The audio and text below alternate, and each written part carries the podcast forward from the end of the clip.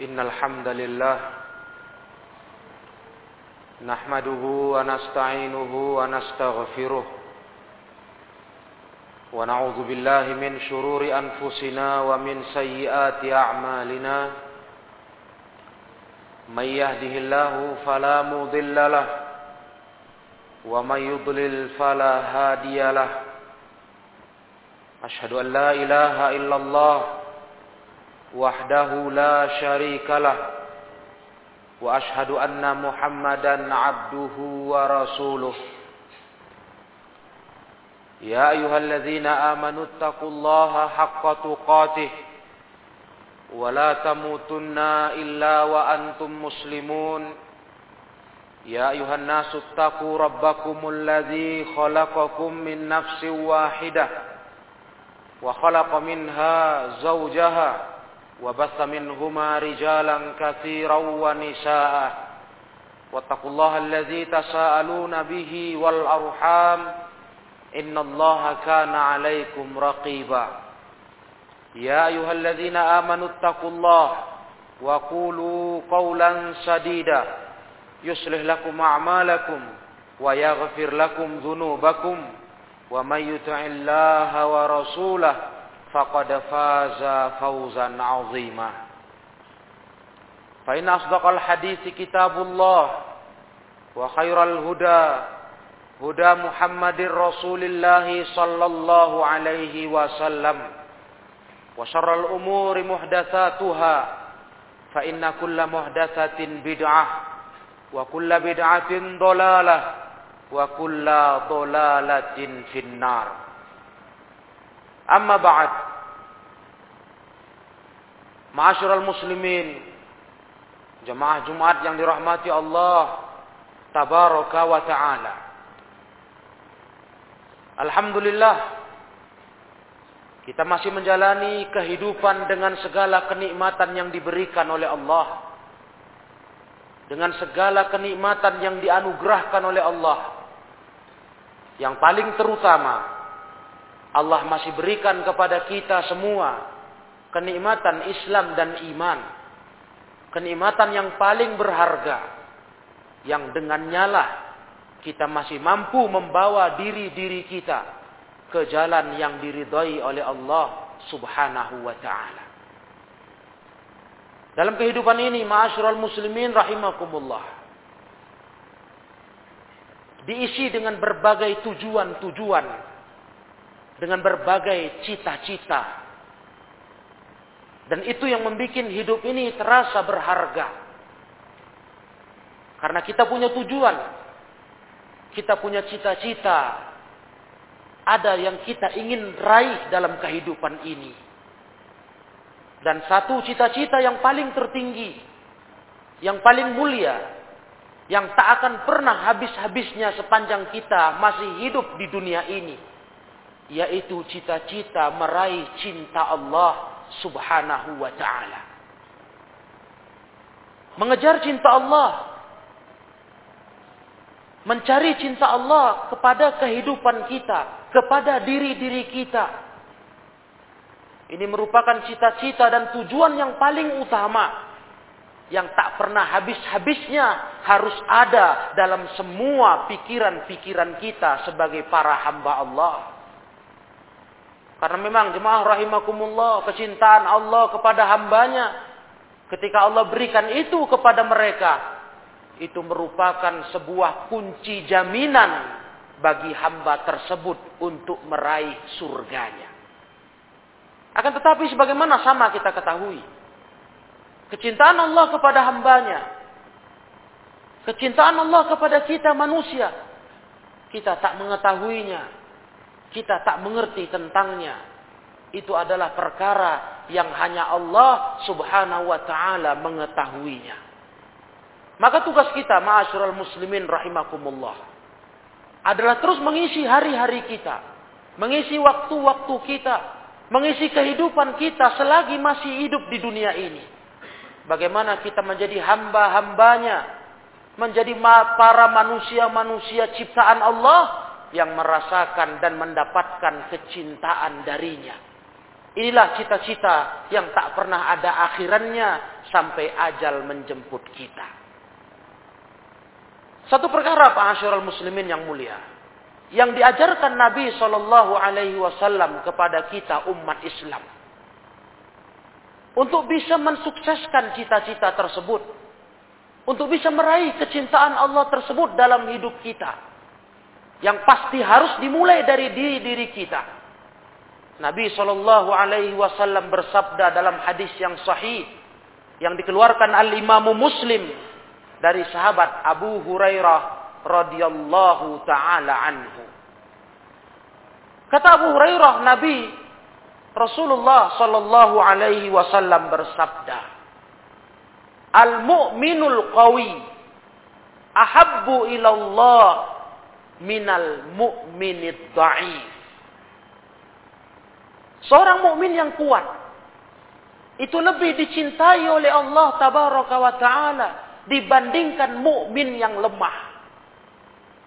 Masyarul muslimin jemaah Jumat rahimakumullah. Ini satu cara sebuah metode yang diajarkan Nabi untuk meraih cinta Allah dalam kehidupan kita sebagai hambanya. Menjadi sosok mukmin yang kuat. Kuat kuat yang dimaksudkan para jemaah rahimakumullah. Kita lihat penjelasan para ulama kita lihat syarah para ulama ketika memaparkan hadis riwayat Muslim ini. Ternyata kuat di sini bukan maknanya kuat badan semata, tidak. Bukan maknanya kuat fisik saja. Tapi yang dijadikan inti sabda Rasul ini sebagaimana diterangkan Syekh Muhammad bin Salih Al-Utsaimin rahimahullah adalah kuat iman kita kepada Allah. Karena di hadis ini Rasulullah mengatakan al-mu'minul qawi. Mukmin yang kuat itu berarti kuat di sini terkait keimanan seorang mukmin tersebut kuat dalam beragama para jemaah yang mulia. Kuat dalam menegakkan agama Allah tabaraka wa taala, gigih dalam menjalankan perintah Allah. Betul-betul bersemangat mengerjakan Islam itu yang lebih Allah sukai dari hamba-hambanya orang-orang beriman. Dibandingkan seorang mukmin yang lemah. Lemah. Lemah dalam mentaati Allah tabaraka wa ta'ala. Tidak serius dalam mengerjakan perintah Allah. Tidak serius berjuang untuk agama Allah tabaraka wa ta'ala. Lemah kaum muslimin yang mulia. Dan kata Rasulullah sallallahu alaihi wasallam, Al-mu'minul al-mu'minul qawi khairum minal mu'minid dha'if. Al-mu'minul qawi ahabbu ila Allah minal mu'minid dha'if wa fi wa fi kullin khairun. Ketika Rasul menerangkan mukmin yang kuat itu lebih utama, lebih dicintai Allah daripada mukmin yang lemah, masing-masing dari keduanya ada kebaikan. Kata Syekh Al-Utsaimin rahimahullah, jangan dipahami Seorang mukmin itu ketika dia berposisi yang lemah pun dia sangat buruk tanpa ada kebaikan tidak. Karena seorang mukmin apa pun kondisinya tetap lebih baik dibanding kafir. Tapi dibandingkan mukmin yang kuat, maka mukmin yang lemah tentu tak lebih dicintai oleh Allah Subhanahu wa taala. Karena seorang orang yang beriman, ma'asyiral muslimin, Orang yang beriman kepada Allah, yang masih mau menjalankan syariat Allah, semua punya kebaikan. Sesuai dengan kadar keimanannya. Tapi tujuan hidup kita, yang tadi sudah kita singgung, adalah menggapai cinta Allah kepada kita. Meraih ridho Allah, senangnya Allah dalam hidup kita. Maka tidak bisa tidak, kita harus menjadi orang-orang yang beriman. Orang-orang yang beriman yang kuat jiwa mereka, yang kuat tekad mereka menjalani agama. Jangan menjadi seorang mukmin yang lemah kaum muslimin yang mulia. Walaupun orang beriman tetaplah baik dibandingkan yang kafir. Tapi yang namanya orang beriman yang mengerti tujuan kehidupan, dia tetap bertekad harus jadi mukmin yang kuat, kuat dalam menjalankan agamanya, kuat mengerjakan perintah agamanya, kuat dalam memperjuangkan agamanya, kuat dalam berjalan di atas agamanya. Masyarakat muslimin yang dimuliakan Allah tabaraka wa ta'ala. Al-Imam An-Nawawi bahkan dalam syarah Sahih Muslim menjabarkan tentang makna kuat di sini. Kata beliau, makna kuat sebagai mukmin yang kuat adalah azimatun nafsi wal qarihatu fi umuril akhirah. Kuat di sini maknanya adalah tekad jiwa Semangat jiwa kita untuk meraih perkara-perkara akhirat. Kaum muslimin yang mulia. Urusan masalah dunia tentu kita sudah paham. Bahkan kita saksikan para jemaah rahimakumullah. Manusia menguat-nguatkan diri untuk meraihnya. Menguat-nguatkan diri untuk mendapatkannya. Kadang-kadang dia pun sebenarnya lemah. Untuk urusan dunia, manusia begitu antusiasnya tapi dalam urusan akhirat kenapa? Mengapa para jemaah? Kita tidak bisa lebih kuat lagi.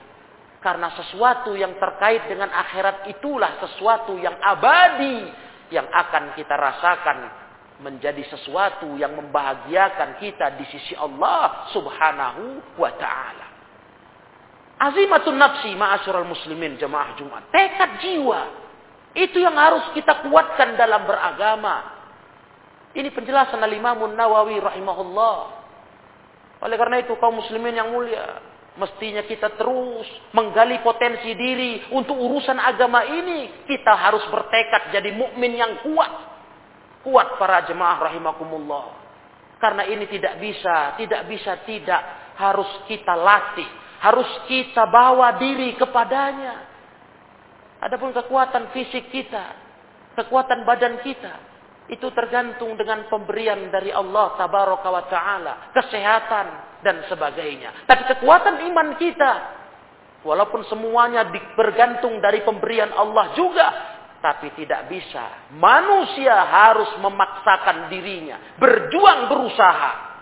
Bagaimana hidup ini betul-betul menjadi seorang mukmin yang kuat beragama, tidak lemah, tidak malas, tidak berpangku tangan dalam urusan agama. Masyarul muslimin rahimakumullah. Al-Imam As-Sindi, Muhammad As-Sindi, dalam catatan kaki beliau terhadap Sunan Ibnu Majah juga memberikan penjelasan yang sama. Kata Imam As-Sindi rahimahullah, al-mu'minul qawi, mukmin yang kuat itu maksudnya apa? Kuat ala a'malil birri wa masyaqit ta'ati kuat mengamalkan amalan kebaikan. Gigih mengamalkan kebaikan dan kuat menghadapi sulitnya ketaatan. Ketaatan itu sulit para jemaah. Besar godaannya untuk kita berhenti dari taat. Maka mukmin yang kuat itu kata Imam As-Sindi adalah mukmin yang mampu menghadapi sulitnya menjalani ketaatan kepada Allah. Dia tidak mau para jemaah yang mulia mundur dengan sedikit kesulitan dan kesusahan. Sedikit halangan dan rintangan. Tidak. Tapi mukmin yang kuat adalah mukmin yang terus berjalan. Terus berjalan dengan tekad untuk meraih cinta Allah kepada hidupnya, untuk hidupnya. Dia akan terus berjalan di atas ridho Allah tabaraka wa taala, di atas agama Allah tabaraka wa taala. Dan mukmin yang kuat kata beliau wasobur ala tahammuli ma yusibuhu minal bala. Itulah mukmin yang mampu sabar ketika dia menanggung segala macam perkara yang menimpa dia berupa malapetaka dan kesulitan dalam kehidupan. Yang sabar, yang gigih, yang kuat hatinya menjalankan agamanya. Maka para ulama-ulama yang kita sebutkan tadi, para jemaah yang mulia, semua menanamkan kepada kita sebagai umat Islam prinsip menjadi seorang mukmin yang kuat itu menjadi mukmin yang mengamalkan agamanya, yang gigih di atas agamanya. Karena memang kaum muslimin yang mulia, urusan beragama ini urusan yang tidak bisa kita anggap akan datang sendirinya kesungguhan itu. Tak bisa kita berharap datang sendirinya keseriusan itu. Tidak. Kita yang harus mengusahakannya. Kita yang harus berjuang untuknya. Betapa banyaknya manusia-manusia menyesali nasib mereka, merugi hidup mereka. Ketika umur sudah habis jatahnya, baru menyadari betapa pentingnya beragama dengan serius dan benar. Betapa pentingnya jadi mukmin yang kuat yang meraih cinta Allah dengannya subhanahu wa taala. Kaum muslimin yang yang dirahmati Allah tabaraka wa taala. Maka marilah dalam khutbah ini sama-sama kita berharap kepada Allah tabaraka wa taala untuk mampu menjalani prinsip kehidupan dalam hadis tadi dalam rangka menjadi hamba yang lebih dicintai penciptanya. Menjadi hamba yang lebih dicintai Allah Ta'ala. Maka jangan bawa tidur agama ini para jemaat. Jangan dibawa santai beragama ini. Ingat, hidup kita diberi Allah untuk kita sama-sama menghambakan diri kepadanya. Untuk kita betul-betul menjadi hamba yang beribadah tulus kepadanya. Memang hidup ini untuk menyembahnya. Memang hidup ini untuk kita habiskan di jalannya. Agama inilah yang paling utama. Tujuan kehidupan kita dan tujuan kita dicipta oleh Allah. Jangan lupakan itu. Adapun urusan selain urusan agama, urusan yang sifatnya nomor dua. Pendukung saja yang kita juga membutuhkannya. Tapi jangan sampai mengalihkan kita dari jalan yang diwajibkan oleh Allah subhanahu wa ta'ala. Maka mudah-mudahan kita menjadi para hamba-hamba Allah yang senantiasa berada di atas agamanya, yang senantiasa kuat. Kuat sebagai orang yang beriman. Kuat sebagai orang yang meyakini keimanannya, mengamalkan agamanya. Dalam segala aspek urusan amal ibadah kita. Kuat kita menjalankan perintah, kuat pula kita meninggalkan larangan-larangan Allah tabaraka wa taala. Aku lu qouli hadza wa astaghfirullah li wa lakum wa li sairil muslimin wal muslimat wastaghfiru innahu huwal ghafurur rahim.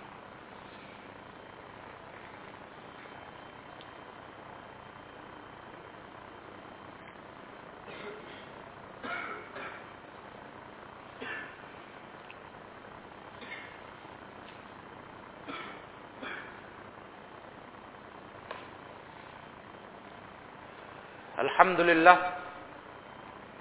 الحمد لله الذي أرسل رسوله بالهدى ودين الحق ليظهره على الدين كله وكفى بالله شهيدا أشهد أن لا إله إلا الله وحده لا شريك له وأشهد أن محمدا عبده ورسوله الذي لا نبي بعده kaum muslimin rahimakumullah. Setelah Nabi bersabda bahwa mukmin yang kuat itu lebih dicinta Allah dari mukmin yang lemah. Nabi pun melanjutkan sebagai bentuk prinsip jadi mukmin yang kuat itu Nabi berpesan ihris ala ma yanfa'uka wasta'in billah wala ta'jas kata Nabi sallallahu alaihi wasallam semangat engkau untuk meraih apa yang bermanfaat untuk hidupmu. Inilah mukmin yang kuat. Semangat untuk hal-hal yang bisa memberi manfaat dalam hidupmu. Dan jangan lupa kau minta tolong kepada Allah Ta'ala. Wasta'in billah. Wala ta'jas. Jangan kau jadi manusia-manusia yang lemah. Rasulullah SAW betul-betul menginginkan umat ini menjadi umat yang kuat dalam menjalani agamanya. Bersemangat untuk semua urusan-urusan yang bermanfaat dalam kehidupannya. Terkait khususnya dengan masalah agamanya. Perhatikanlah hadis ini para jemaah yang mulia. Ihris ala ma yanfa'uka. Semangat kata Rasul.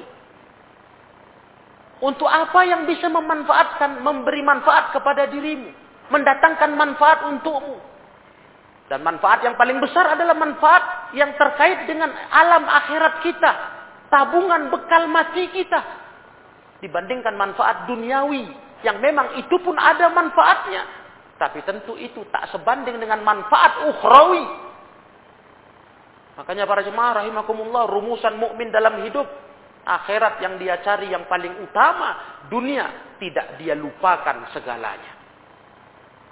Para jemaah rahimakumullah.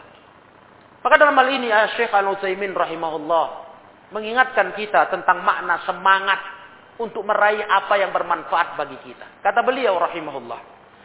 Semangat di sini bisa men terkait menyangkut dengan diri kita masing-masing. Semangat untuk diri sendiri, itu yang pertama. Dengan cara kita betul-betul berpegang dengan kitab dan sunnah. At-tamassuk bil kitabi was sunnah. Dalam beragama. Semangat. Konsekuen berpegang dengan Quran dan sunnah. Semangat untuk segala hal yang bisa menguntungkan kita dalam hidup akhirat kita. Semangat untuk amal kebaikan. Ini yang pertama kata Syekh. Semangat. Atas apa yang bisa mendatangkan manfaat dalam hidupmu. Tentu yang paling utama sekali lagi. Manfaat akhirat. Yang itulah sebenar-benar manfaat yang abadi kenikmatan tiada taranya.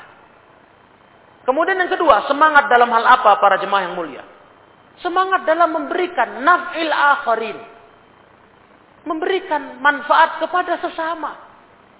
Yang di situ pun terkandung perkara-perkara modal akhirat kita, bekal mati kita, semangat dalam menebar kebaikan kepada umat, manfaat kepada umat, baik kepada keluarga kita, orang terdekat kita, orang tua, sanak keluarga, dan teman-teman seluruhnya kaum muslimin semangat hidup ini dalam memberikan manfaat kepada sesama dan itu keuntungannya untuk kita sendiri. Karena Nabi SAW yang menjamin dalam hadis riwayat Bukhari Muslim. Kata Nabi SAW, Man kana fi hajati akhihi, kana Allahu fi hajatih. Siapa yang hidupnya berada dalam urusan membantu hajat saudaranya, maka Allah selalu membantu hajat kebutuhannya. Yang yang mulia. Kita memberikan sesuatu yang bermanfaat untuk umat ini, untuk masyarakat. Itu sama dengan kita memberi keuntungan kepada diri kita. Maka Allah selalu membantu hambanya, hajat kebutuhannya. Sepanjang hamba itu selalu membantu mengurusi hajat saudaranya. Atau di hadis lainnya yang dikeluarkan dalam Imam Muslim, Rasulullah sallallahu alaihi bersabda, "Wallahu fi auni akhi, maka nal wallahu fi auni al-'abdi, maka nal 'abdu fi auni akhi." Allah selalu menolong hamba selama hamba itu selalu menolong saudaranya. Maka inilah ma'asyiral muslimin, satu penjelasan ilmiah dari ulama kita yang menyadarkan kita betapa hidup ini betul-betul harus dimanfaatkan seserius mungkin. Harus dimaksimalkan seserius mungkin karena keterbatasan waktu yang nampak nyata di depan mata kita. Umur yang kita tak tahu kapan berakhirnya. Maka harus kita manfaatkan ini menjadi sosok orang-orang beriman yang senantiasa kuat beragama. Serius dalam urusan akhiratnya serius mencari manfaat keuntungan yang bisa membahagiakan dia di sisi Allah Subhanahu wa taala. Allahumma salli ala Muhammad wa ala ali Muhammad kama sallaita ala Ibrahim wa ala ali Ibrahim. Wa barik ala Muhammad wa ala ali Muhammad kama barakta ala Ibrahim wa ala ali Ibrahim fil alamin innaka Hamidum Majid. Allahumma ighfir lil muslimin wal muslimat wal mu'minin wal mu'minat الأحياء منهم والأموات إنك سميع قريب مجيب الدعوات فيا قاضي الحاجات. اللهم أرنا الحق حقا وارزقنا اتباعه وأرنا الباطل باطلا وارزقنا اجتنابه. اللهم اهدنا إلى صراطك المستقيم صراط الذين أنعمت عليهم غير المغضوب عليهم ولا الضالين. اللهم إنا نسألك رضاك والجنة ونعوذ بك من سخطك والنار اللهم ارزقنا لذة النظر إلى وجهك الكريم برحمتك يا أرحم الراحمين ربنا هب لنا من أزواجنا وذرياتنا قرة أعين واجعلنا للمتقين إماما ربنا آتنا في الدنيا حسنة وفي الآخرة حسنة وقنا عذاب النار والحمد لله رب العالمين